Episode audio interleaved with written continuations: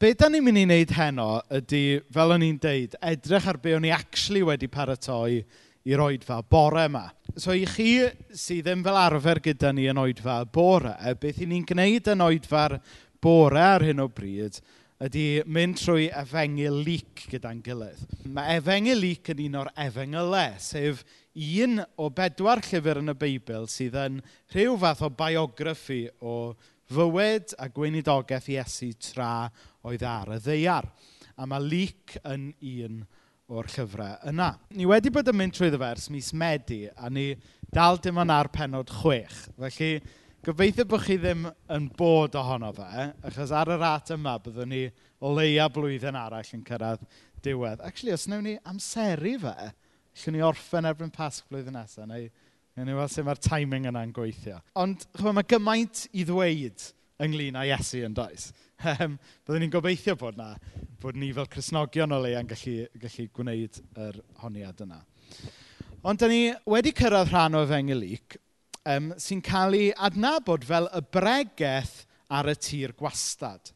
Falle bod chi wedi clywed am y bregaeth ar y mynydd, Sermon on the Mount. Mae hwnna yn Efengyl Matthew. Ond yn Efengyl Luc, beth sydd gyda ni yw'r bregaeth ar y tir gwastad.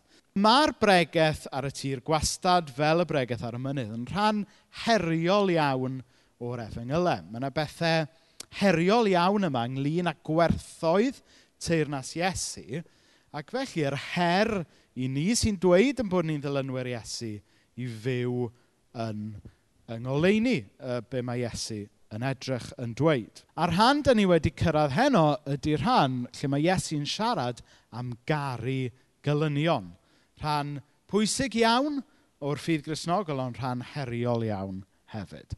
So mae'r darlleniad yn dod o penod 6 adnod 27 ymlaen. Dwi'n dweud wrthoch chi sy'n gwrando, carwch eich gylynion, gwnewch ddaioni i'r bobl sy'n eich cysau chi, bendithiwch y rhai sy'n eich melldithio chi, a gweddiwch dros y rhai sy'n eich cam drin chi. Os ydy rhywun yn rhoi clatchen i ti ar un foch, tro'r foch arall ato. Os ydy rhywun yn dwy'n dy got, paid a'i rwystro rhag cymryd y gris hefyd. Rhoi bawb sy'n gofyn am rhywbeth gen ti, ac os bydd rhywun yn cymryd rhywbeth pi a ti, paid a'i hawlio yn ôl. Dylech chi drin pobl eraill fel byddech chi'n hoffi iddyn nhw eich trin chi. Pam dylech chi gael eich camol am gael i'r bobl hynny sy'n eich caru chi? Mae hyd yn oed pechaduriaid yn gwneud hynny. Neu am wneud ffafr i'r rhai sy'n gwneud ffafr i chi. Mae pechaduriaid yn gwneud hynny hefyd. Neu os ydych chi'n benthyg i'r bobl hynny sy'n eich ga sy'n gallu'ch talu chi nôl, beth wedyn? Mae hyd yn oed pechaduriaid y fodlon benthyg yw pobl ei hunain ac yn disgwyl cael eu talu yn ôl yn llawn. Carwch chi eich gylynion. Gwnewch ddaioni iddyn nhw. Rhowch fenthyg iddyn nhw heb ddisgwyl cael dim byd yn ôl. Cewch chi wobr fawr am wneud hynny. Bydd hi'n amlwg eich bod yn blant i'r Dyw goruchaf, a mae dyna'r math o beth mae e'n ei wneud. Mae'n garedig i bobl aniolchgar a drwg. Rhaid i chi fod yn garedig fel mae Dyw eich tad yn garedig. Felly mae e'n ddarn heriol iawn, yn dydy, o ddysgeidiaeth gan yr arglwydd Iesu. A mae'r egwyddor yma o maddau gylynion, o garu gylynion, mae e'n rhan ganolog iawn o'r ffydd grisnogol. A dyna yn gywir iawn pa mae'r ddelwedd sydd gan lot o bobl ynglyn â chrysnogaeth ydy'r delwedd yma o heddwch.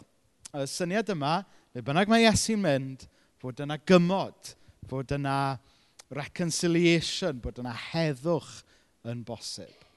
Y syniad yna mae, mae rhan o alwad y Cristion ydy bod yn berson o heddwch. A mae hwnna'n gallu gweithio ar sawl lefel. Falle o fewn eich teulu, yn eich lle gwaith, a rhai hyd yn oed yn meddwl bod rôl bwysig gan y Cristion – o fewn y mudiad heddwch yn gyffredinol felly, yn gweithio tuag at heddwch rhwng cenhedloedd. Dwi'n sylwi bod lot ohonoch chi yn nodio fan yna. Ie, yeah, mae hwn, a chybod, amser nadolig yn arbennig, mae lot o gardiau nadolig yn dydyn yn chwarae ar y ddelwedd yma fod yr yfengil grisnogol a heddwch a tangnefedd gyd yn rhan o un pecyn. Ond eto, da ni'n byw mewn byd sydd wedi i rwygo'n dydyn. Da ni'n byw mewn byd o ryfeloedd. A mae gymaint o ryfeloedd yn rhwygo trwy'r byd ag sydd erioed. Statistically, does dim gymaint o ryfeloedd rhwng gwledydd heddiw ac oedd yn y canrifoedd a fi. Beth sydd fwy yn y dydd ni ydy rhyfeloedd cartref gyda wahanol garfannau gwahanol grwpiau ethnig, gwahanol grwpiau crefyddol hyd yn oed, o fewn gwledydd yn rhyfela gyda'i gilydd. A mae lot o ryfeloedd trwy hanes, lot o ryfeloedd heddiw, yn cael ei ymladd yn enw crefydd. Rhai rhyfeloedd hyd yn oed yn cael ei ymladd yn enw, sylwch, yn enw Iesu Grist hyd yn oed. A mae e'n sobri rhywun, yn dydy? Chwa, sut ar un llaw bod ni'n gallu darllen y darn yma o ddysgeidiaeth gan Iesu ynglyn â cymod, ynglyn â caru gylynion. ond eto, yn y byd sydd ohoni, bod yna ryfeloedd yn cael ei ymladd yn enw crefydd, ryfeloedd, rhai ryfeloedd hyd yn oed, yn cael ei ymladd yn enw sanctaidd Iesu Grist hyd yn oed. A mae e'n drist ydy, sef mae pobl yn gallu camddefnyddio enw Iesu. Achos dyna sy'n digwydd, ynddo? Pan mae rhywun yn lladd yn enw Iesu, pan mae rhywun yn lladd, dydyn nhw ddim go iawn yn neud o'n enw Iesu, na. Cam ddefnyddio enw hyfryd a sanctaidd Iesu ma nhw i gyfiawnhau rhywbeth arall, ynddo fe? Rhywbeth arall sydd tu ôl y peth yma. A wedyn, un o'r llefydd lle mae yna ryfela difrifol ar hyn o bryd ydy Syria, a mae hwn yn, yn lun sy'n rhyw flwydd oed o Syria. A chi'n tris iawn yn dydyn, dangos y babanod hyd yn oed yn cael ei dal yn yr hincau yma. A mae'r llun yma mewn gwirionedd yn jyst yn dod o adre i ni sy'n byw mewn gwlad weddol heddychlon o beth, beth mae casineb rhwng pobl, beth mae rhyfeloedd, beth mae casau gelynion yn gallu arwen iddo fe pan mae y natur ddynol mewn gwirionedd yn cyrraedd i fwyaf tywyll. Ond fel o'n i'n dweud, wrth gwrs, mae yna hanes tri sy'n dweud, Mae hwn yn rhyw lun artist impression, wrth gwrs, a dim camerau i gael pryd hynny, o'r y croes gadau, yn dyfa, pan oedd na ryfeloedd mawr yn cael ei ymladd gan wledydd cred, eto yn enw Iesu Grist. A mae jyst yn dod o fe, jyst yn atgoffa ni'n dydy fod, fod y grym yma o gasau gelynion yn gallu pydru drwy pob math o bethau. Ond bod e hyd yn oed yn gallu mynd i bydru yr eglwys grisnogol os nag ydy ni yn gwarchod yn hun. A mae e wedi digwydd mewn canrifoedd a fi a mae e dal i ddigwydd mewn carfannau o'r eglwys heddiw darlleniad oedd gyda ni heno yn atgoffa ni fod Iesu Grist wedi dod i gyhoeddi teirnas sydd yn hollol wahanol i deirnasoedd y byd yma. Mae teirnasoedd y byd yma yn dibynnu ar bwer. Maen nhw'n dibynnu ar gyfoeth. Maen nhw'n dibynnu ar fyddinoedd. A ni'n gweld hwnna ar hyn o bryd o'r wythnos yma, chyfo, yn yr gwleidyddiaeth rhwng Prydain a Rwsian, dydyn? a cefnlen i'r cyfan mae'n debyg yw y ffaith bod yna etholiad mlaen yn Rwsia heddiw. A Putin, um, Putin meddwl wyt ti, lyca joc yna, joc geraint brython yw yna, Putin meddwl wyt ti. Um, be maen nhw'n dweud sy'n tu ôl hyn ydy, to, Putin eisiau cael ei weld fel y dyn cryf, chybod, eisiau cael ei weld fel y strong man fel petai, a bod hwnna'n mynd i ennill pledleisiau. Dyna yw syniad y byd, yn dyfa o deyrnas. Dyna di syniad y byd o be mae rhywun isio mewn arweinydd. Mae rhywun eisiau arweinydd cryf. Mae rhywun eisiau arweinydd sy'n mynd i gadw y gelynion yn y gornel fel petai. Ac i ddechrau, dyna oedd yr iddewon y meddwl oedd y Meseia mynd i fod. Oedden nhw yn disgwyl rhyw fath o arweinydd gwleidyddol, rhyw fath o arweinydd milwrol yn disgwyl rhyw fath o, y wain glyndŵr William Wallace type ffigur. Dyna, dyna mae'n debyg oedd, oedd llawer neu rhai carfannau oedd ewon yn ei ddisgwyl. Ond wrth gwrs, pan landiodd Iesu, fe ddath ei gyhoeddi teirnas oedd yn troi syniad y byd yma o deirnas, Benny Weired. Fe ddath e nid i ladd i elynion, ond i gynnig maddeiant i elynion. Fe ddath e nid i drechu i elynion, ond i farw dros i elynion. Nawr mae hwnna yn dramatic yn dydy. Falle yngolwg y byd bod Iesu yn arweinydd hopeless.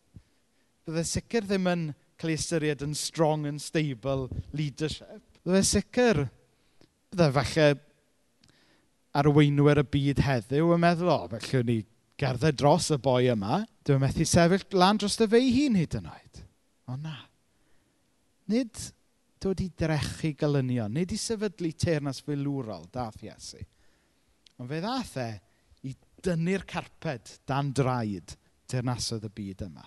Fe ddath e i dynnu gwynt o hwyliau teirnasoedd y byd yma wrth bod fi'n paratoi y neges yma, ddys i'r draws yn eisiau roed ar Facebook achddoe, y dyfyniad hyfryd yma gan Tom Wright.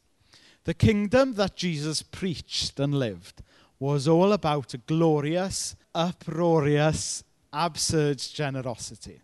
Think of the best thing you can do for the worst person and go ahead and do it. Think of what you'd really like someone to do for you and do it for them. Think of the people to whom you are tempted to be nasty and lavish generosity on them instead. These instructions have a fresh, spring like quality. They are all about new life bursting out energetically, like flowers growing through concrete and startling everyone with their colour and vigour. A mae hwnna'n yn grynodeb hyfryd yn dydy o'r deyrnas y dath Iesu i'w sefydlu. A'r deyrnas trwy i ddilynwyr, trwy ysbryd sy'n dal yn torri trwyddo yn byd cymleth ni heddiw. Achos mae'n byd ni heddiw yn teimlo fel concret yn dydy. Dwi'n gwybod os ydych chi erioed wedi trin concret. Ys rhywun yma, mae'n siŵr bod ti wedi, Ifan. Amen anon ni. Mae'r ffermwyr yn ymplith ni wedi delio. Os rhywun arall wedi trin efo concret. Chi'n real townies. Mae hyd yn oed fi wedi... O, sort of, o, na ni. Oedd hwnna garantid yn disaster, doedd ar ôl.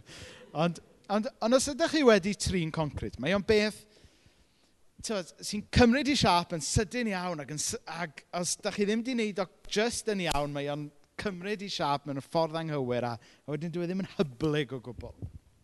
Neu falle bod chi wedi trio cael gwared o goncrit erioed, Ydych chi'n taro fe, taro fe, trio chwalu fe. Mae e'n rhywbeth stwbwrn iawn unwaith da chi yna. A mae'n meddwl ynglyn â'r byd yma, a'i boen a'i ryfeloedd, sydd, da ni fel Cresnogion yn credu, sy'n dod o broblem pechod. Mae'n meddwl amdano fe fel concrit yn ddelwedd dda, yn dydy. Chos hen beth caled stwbwrn ydy concrit. Ond mae'r ddelwedd yma'n hardd yn dydy. Fod tenas Iesu fel blodau yn tyfu trwy y concret. A'r blodyn cyntaf yna oedd Iesu Grist ei hun. A beth sy'n anhygoel yw, mae'r darn yma sy'n gan Iesu, dwi e ddim jyst yn dweud bod e ei hun wedi marw dros i elynion. Dwi e ddim jyst yn dweud bod ei hun wedi maddau i elynion. Ond mae e'n galw ar bawb sy'n dweud bod nhw yn ei ddilyn e, i efelychu. Maen nhw'n dweud, wel, oherwydd fy mod i wedi marw dros y lynion, oherwydd mod i'n maddau gelynion, mi ydych chi nawr, fel fy mhobol i, fod byw yn ôl rheolau y deyrnas newydd yma. Nawr, ar un llaw, mae hwnna'n ddychryn yn tydi. Achos, da ni gyd yn gwybod fod maddau pobl sydd yn gwneud drwg i ni, dyw e ddim yn dod yn hawdd na di. Dyw e ddim yn dod naturiol i ni. A dyw e ddim yn dod naturiol i ni, oherwydd pechod, ynddo fe? Mae, ma, da ni yn credu fel Cresnogion fod maddeiant yn llywodraethu'n calon ni, ond mae'r hen natur dal yna'n dangos i ben, ynddo dydy. Felly dydy, dydy maddau golynion ddim yn dod yn hawdd. Ond dyna mae Dyw yn galw ni i wneud. A mae e'n rhoi rhodd yr ysbryd glân i'n helpu ni fyw fel plant y deyrnas yma. Felly, tydy, hwn yn ddim yn ddelwedd um, a iawn i chi ddynion falle, ond Iesu oedd y blodyn cynta, ond mae pob un ohono ni sy'n ddilynwyr Iesu'n cael yn galw i fod yn flodau sy'n tyfu trwy concrit caled y byd yma. Felly ar y diwedd, llwch chi gyfeirio at eich gilydd fel blodau hardd. a na i dalu'n rhywun un eich lan at arwel a dweud, mi wyt ti'n flodyn hardd arwel yn torri drwy concret y byd yma. Um, ond mae'n ddelwedd bwerus yn dydy. Wrth feddwl ynglyn â'r holl ryfeloedd sy'n yn y byd yma, mae lot o bobl yn, yn arbennig yn y byd modern, achub, o ie, crefydd. Dyna sy'n tu ôl yr holl grefydd yma. Mae crefyddau, maen nhw i gyd rhywun peth, crefydd mewn rhyw ffordd neu gilydd sy'n tu ôl pob rhyfel. Ond dwi'n meddwl bod jyst yr ychydig adnodau yma lle mae Iesu'n siarad am garu gylynion, lle mae Iesu'n sôn am farw dros eich gylynion, yn dangos bod pob crefydd ddim yr un peth. Achos mae be mae Iesu yn cyhoeddi fan hyn yn radically gwahanol i be mae unrhyw grefydd arall, be mae unrhyw eidioleg arall yn ei ddysgu. Oherwydd, be sydd wrth wraidd y gwirionedd chrysnogol ydy nid rhywun pwerus yn cael gwared o'i wrthwynebwyr. Ond rhywun gostenedig y marw dros i wrthwynebwyr. A mae hwnna mor wahanol i bob math o eideoleg arall, mor wahanol i bob math o grefydd arall. Mae y mor bwysig bod ni fel Cresnogion yn deall mai dyma yw craidd yn ffydd ni. Sef Iesu wedi marw drosto ni, dros elynion, a Iesu'n galw ni fel ei bobl e i gynnig maddeiant dros yn galynion. A, a dwi'n meddwl bod hwn yn arbennig o bwysig yn yr oes sydd ohoni.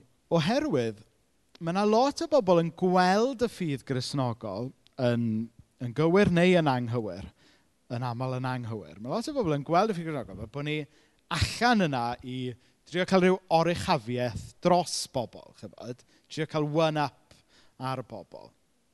A un o'r lluniau sy'n neud um, y rounds ar y we ydy'r yr llun yma. Dwi'n gweld sut ydy rhywun wedi gweld hyn. Mae'n eitha trist mewn gwirionedd, achos mae'n pobl yn dweud, o, mae pob crefydd yr un peth, tybod.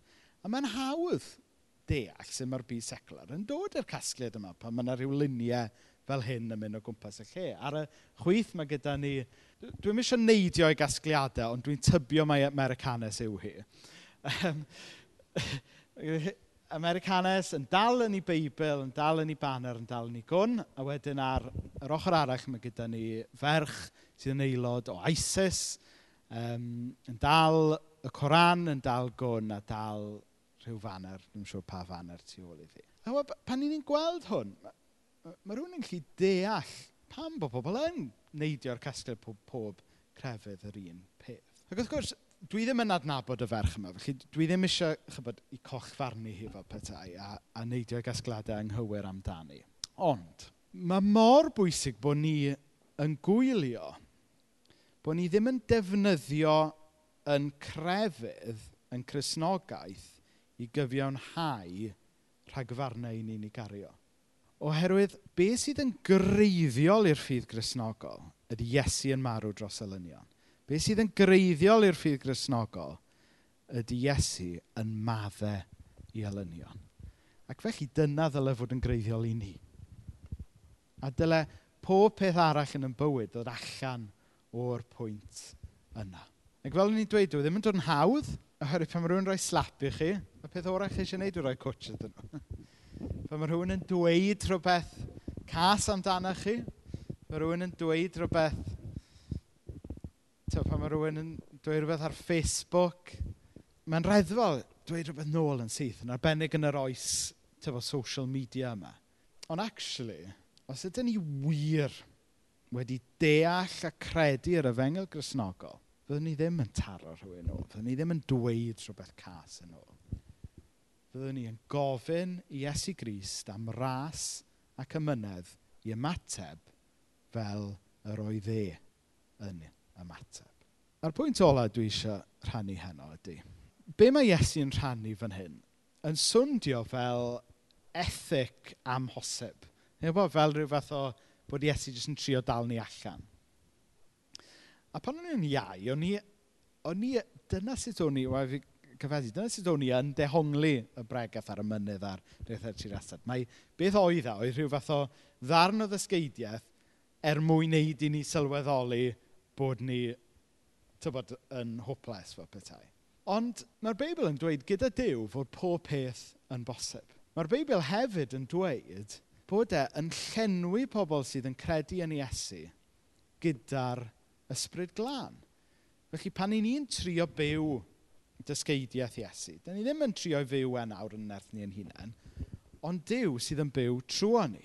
A hefyd, yma'r pwynt ola, da ni wedi'n creu ar lun a delw Dyw. Okay? Dyna pan bod chi gyd yn bobl mor hardd yn eich cymeriad. Hardd... Wel, da chi'n mynd drwg o ran eich gwedd, chwaith. Ond, da ni gyd wedi'n creu ar-lun a delw Dyw.